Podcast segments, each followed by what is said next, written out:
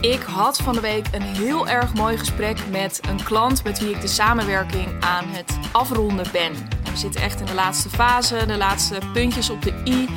Um, en dus ook de laatste online sessie die we met elkaar hadden. En ja, in zo'n sessie, als je met mij werkt, dan blikken we natuurlijk ook terug op wat er nou allemaal gebeurd is. Um, en um, wat er ontstaan is, maar natuurlijk ook uh, wat, ja, wat ligt er nu en maar hè, waar ga je dan, waar beweeg je ook als volgende naartoe? En wat wil je, hè, wat wil je iemand nog meegeven? Wat wil je elkaar nog meegeven? En um, een van de dingen die ter sprake kwam was, en dat was wel mooi, dat was een heel kwetsbaar moment ook van haar, was ja, dat zij zei zij is op dit moment bezig met het opzetten van een uh, lingeriemerk. Nou, ik kan je vertellen, normaal gesproken werk ik met veel ondernemers ook in de uh, al dan niet zakelijke dienstverlening. Maar dit is dus een dame die haar nek uitsteekt en echt bezig is met het, nou, het ontwikkelen uh, en straks ook laten produceren van, ja, echt van een, van een product. Wat je niet alleen vast kan houden, wat je aan kan trekken. Um, waar ik ongelooflijk veel bewondering voor heb. Omdat je dan ook weer uh, even met je neus op de feiten gedrukt wordt. Hoe makkelijk je het ook eigenlijk hebt. Dit is gewoon even volledig mijn eigen interpretatie als dienstverlener, als coach, als consultant, als, um, uh, als creatief ondernemer. Hoe weinig je er eigenlijk voor nodig hebt om, uh, om een goede start te kunnen maken. En hoe weinig je ook hoeft te investeren uh, om het van de grond te krijgen. En dat dat vervolgens iets is waar je wel voor kiest, net zoals dat het voor mij iets is waar ik heel bewust voor kies, dat is een heel ander verhaal. Op het moment dat je zo'n uh, project aan het oppakken bent of zo'n business aan het bouwen bent als deze dame, dan heb je geen keus. En dan zul je dus in leveranciers, in producenten, in Um, nou ja, marketing dus, hè, waarvoor ze bij mij uh, aanklopte in hele stevige legal ook wel. En nou, er, zijn, er komt vreselijk veel bij kijken. Wat natuurlijk helemaal te gek is, maar ja, waar je behoorlijk stevig voor in je schoenen moet staan. Goed, dat even als achtergrond. En zij vroeg aan mij, of zij merkte de laatste tijd, hè, naarmate ook het daadwerkelijke produceren en uh, waarschijnlijk volgend jaar het uh, op de markt komen ook van de lijn die zij nu, uh, de eerste collectie die zij aan het ontwikkelen is. Merkt ze van ja, ik, ik praat daar met veel mensen over. En um, ze zei ook tegen mij van ja, ik praat daar natuurlijk ook met jou over. En ik merk dat iedereen er super enthousiast over is. Iedereen lijkt er compleet van overtuigd te zijn dat datgene wat ik hier aan het doen ben, dat dat niet anders kan dan dat het een, een fucking groot succes gaat worden. En ze zegt, ja, ik, ik voel dat ook wel. Hè, dus ik ben er niet voor niets aan begonnen. Dus hè, ik geloof er heel erg in. Anders had ik er net zo goed meteen mee kunnen stoppen. Maar ik vind, ik blijf het ook bijzonder vinden dat, ja, dat mensen het zo dat mensen het nu al zo voelen, dat ze er zo van overtuigd zijn. Wat is dat toch? Wat, hè, dus, en dat vroeg ze ook aan mij, van hoe, hoe kijk jij daarnaar? En toen, nou, het antwoord wat ik daarop gaf, dacht ik, ik moet dat even met jou delen. Want um, uh, ja, dat is alleen maar heel erg inspirerend ook, denk ik, voor jou om te horen. Wat ik haar vertelde, want op de een of andere manier, ik hoefde daar ook helemaal niet lang over na te denken bij haar. Um, omdat ik meteen wist, ja, wat zo ongekend inspirerend is aan, aan wat jij aan het doen bent, is dat jij het aan het doen bent. Dus, en dit klinkt heel erg flauw, en dat ga ik uiteraard toelichten. Um, maar jij bent dit aan het doen zonder ook maar enige garantie. Hè? Dus het is iets, jij hebt dit idee uh, opgevat, jij bent daar vervolgens mee gaan lopen. Um, zonder enige garantie dat uh, het je zou lukken, zonder enig uitzicht op uh, nou ja, hoe het dan precies zou gaan lopen, of wanneer je dan wat in handen zou hebben, of wanneer je dan welke stap zou gaan zetten. Jij hebt besloten en vervolgens ben je daarmee aan de slag gegaan. En nou ja, dit hele stuk, dus met andere woorden, jij bent het gaan doen, maar daar wil ik aan toevoegen. Hè, je, je zult ongetwijfeld, als je nou, een succesvolle ondernemer vraagt: van hoe kan het nou dat jij bent gekomen waar je, waar je bent gekomen? Dan zal er ongetwijfeld altijd iets van een antwoord volgen van ja, dat is omdat ik, uh, omdat ik het gewoon ben gaan doen. Ja, nou ja, het is ook allemaal waar. Dus dat gewoon doen, maar dat gewoon doen is nog helemaal niet zo makkelijk. Uh, uh, dat vraagt een heleboel van je. Uh, maar juist op dit stuk vind ik dus het verhaal van deze klant zo ontzettend inspirerend. Want zij is het dus niet alleen gaan doen zonder al die garanties, maar zij is het ook nog eens een keertje gaan doen. Ondanks het feit dat de omstandigheden voor haar niet ideaal waren. En wat bedoel ik daarmee? Zij um, was net weer terug naar huis, uh, naar, naar thuis verhuisd. Ze had in die periode daarvoor veel gereisd. En um, uh, was ook net uit een relatie die niet helemaal lekker verlopen was. Um, eh, dus ze woonde weer bij haar ouders. Ze had eigenlijk niet heel veel meer tot haar beschikking dan, ja, dan, dan gewoon haar, dan, dan een kamer. En verder is er natuurlijk dan veel reuring in huis. Dus het is niet, ja, het was niet uh, A, had ze niet alle ruimte misschien die ze het liefst had willen hebben. Maar ja, je zit ook weer in de dynamiek van thuis. Terwijl je wel gewoon een volwassen vrouw bent ondertussen. Uh, dus ze woonde thuis. Zij uh, heeft een freelance ja, dienst. Ja, dus niet een dienstbetrekking, maar ze is gedetacheerd. Dus zij werkt eigenlijk als freelancer in het ziekenhuis, in de zorg. Dus, en dat deze ook nog 32 uur per week of meer. En zij heeft dit ook nog eens een keertje gedaan zonder enige vorm van investering erachter. Nou, ik weet niet, maar als je die dingen. En dus ook nog eens een keertje zonder verder. Dus het was echt zij in haar eentje. Uh, uh, vanuit huis. Uh, zonder investeerders. En dus ook nog eens een keertje met een. Ja, niet alleen de uren die tellen van het werk dat ze deed, maar het is ook gewoon intensief.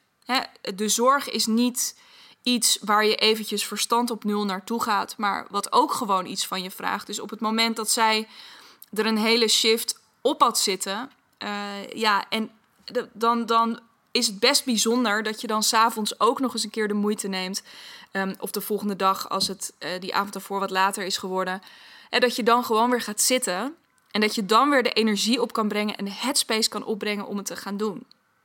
De omstandigheden waren dus verre van ideaal, maar zij is het wel gaan doen. Ze heeft dat voor zich gezien, ze heeft erin geloofd. En op dit moment, weet je, ligt dus die ene hele kamer uh, die, ze, die ze nu tot haar beschikking heeft. Overigens gaat ze binnenkort verhuizen, dus um, die omstandigheden gaan in ieder geval veranderen.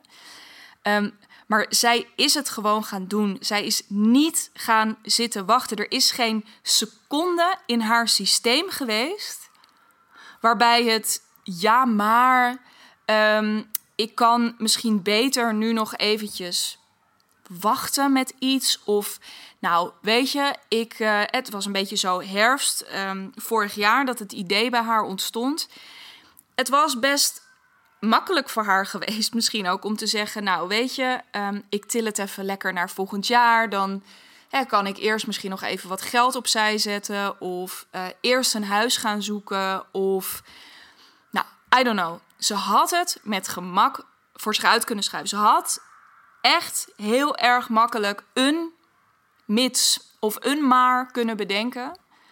Maar dat heeft ze niet gedaan. En dat vind ik dus rete inspirerend. En precies dit is ook wat ik signaleer bij um, nou ja, bij, bij de ondernemers die het wel, die snel groeien. Ik wil nooit, ik praat niet zo graag in termen van de ondernemers die het wel redden of niet redden.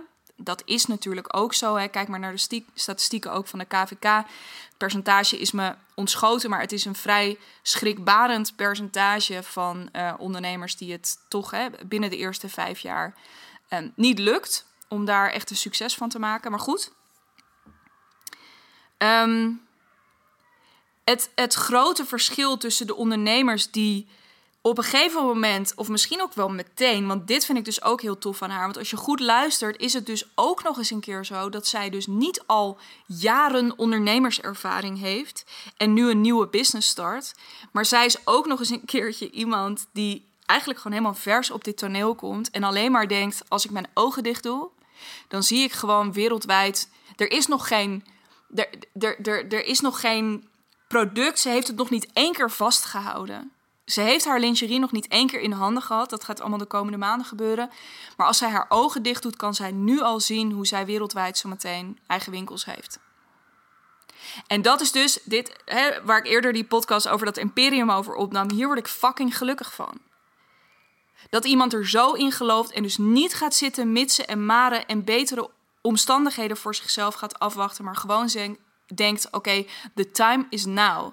Er gaat geen beter moment komen en ik wil, ik wil dit geprobeerd hebben. Ik wil niet, wanneer het moment ook daar is, ook dat heeft, is ook een van de dingen die ze ehm, tegen me zei op een gegeven moment. Weet je, ik wil er gewoon geen spijt van hebben. Later dat ik dit niet geprobeerd heb, ik moet dit gedaan hebben. En de grap is natuurlijk, ze zegt dit en, en uh, we praten dan in termen van proberen. Maar ik denk ook alleen maar als, als je dit kunt, als je, als je zonder al die garanties en zonder de ideale omstandigheden zo bevlogen erin kan en nog steeds. Hè, tuurlijk wordt ook zij één keer in de zoveel tijd, uh, nou ja, behoorlijk onrustig wakker. Hè, en, en zijn er ook momenten dat ze denkt: oh my god, waarom wil ik dit? Waar ben ik aan begonnen? Maar er is nooit een moment dat ze denkt: ik gooi de handdoek in de ring. En dat is, nou ja, dus weer even terug naar die vraag die, die ze mij stelde. Wat is nou zo inspirerend? Dat is inspirerend. En om weer terug te gaan naar de opmerking die ik net maakte over dat verschil tussen de mensen die het, die het wel uh, uiteindelijk groot kunnen maken en die, die echt stappen blijven zetten, dat is omdat ze niet afwachten tot de omstandigheden beter worden. Dat zijn de ondernemers die dingen doen ook zonder dat het misschien super realistisch voelt. Hè? Ik, nou ja, je hoorde dat misschien ook een beetje in mijn stem, maar ik maakte ook van die uh, quotation marks in de, in de lucht. Um, realistisch is zo betrekkelijk. Het maakt niet uit. Uh, hè, het kan zijn dat je het idee hebt dat het geld er nu niet is. Het kan zijn dat je het idee hebt dat je de tijd nu niet hebt. Het kan zijn dat je het nu niet kan doen omdat je de, hè, de fysieke space niet hebt. Hè, dat je het idee hebt dat je ergens echt een eigen atelier of een eigen uh, pand voor nodig hebt. Um, wat natuurlijk allemaal totale bullshit is. Want op het moment dat die ruimte een probleem is, dan en je het echt had gewild, dan was jij op zoek gegaan naar een waarschijnlijk doe je dat dan nu toch niet, omdat je daar dan nu niet in wil investeren. Oké, maar is er dan een weg voor jou op dit moment waarop je toch die ruimte kan organiseren voor jezelf? Al is het maar een dag of al is het maar twee dagen in de week, zonder dat je dat heel veel geld hoeft te kosten, of misschien wel zonder dat het je geld kost, omdat um, iemand die je kent een eigen, uh, een eigen studio ergens heeft die je misschien wel een dag per week kan gebruiken. Gewoon in ieder geval in het eerste jaar. Of is er eh, qua financiën, uh, kun jij.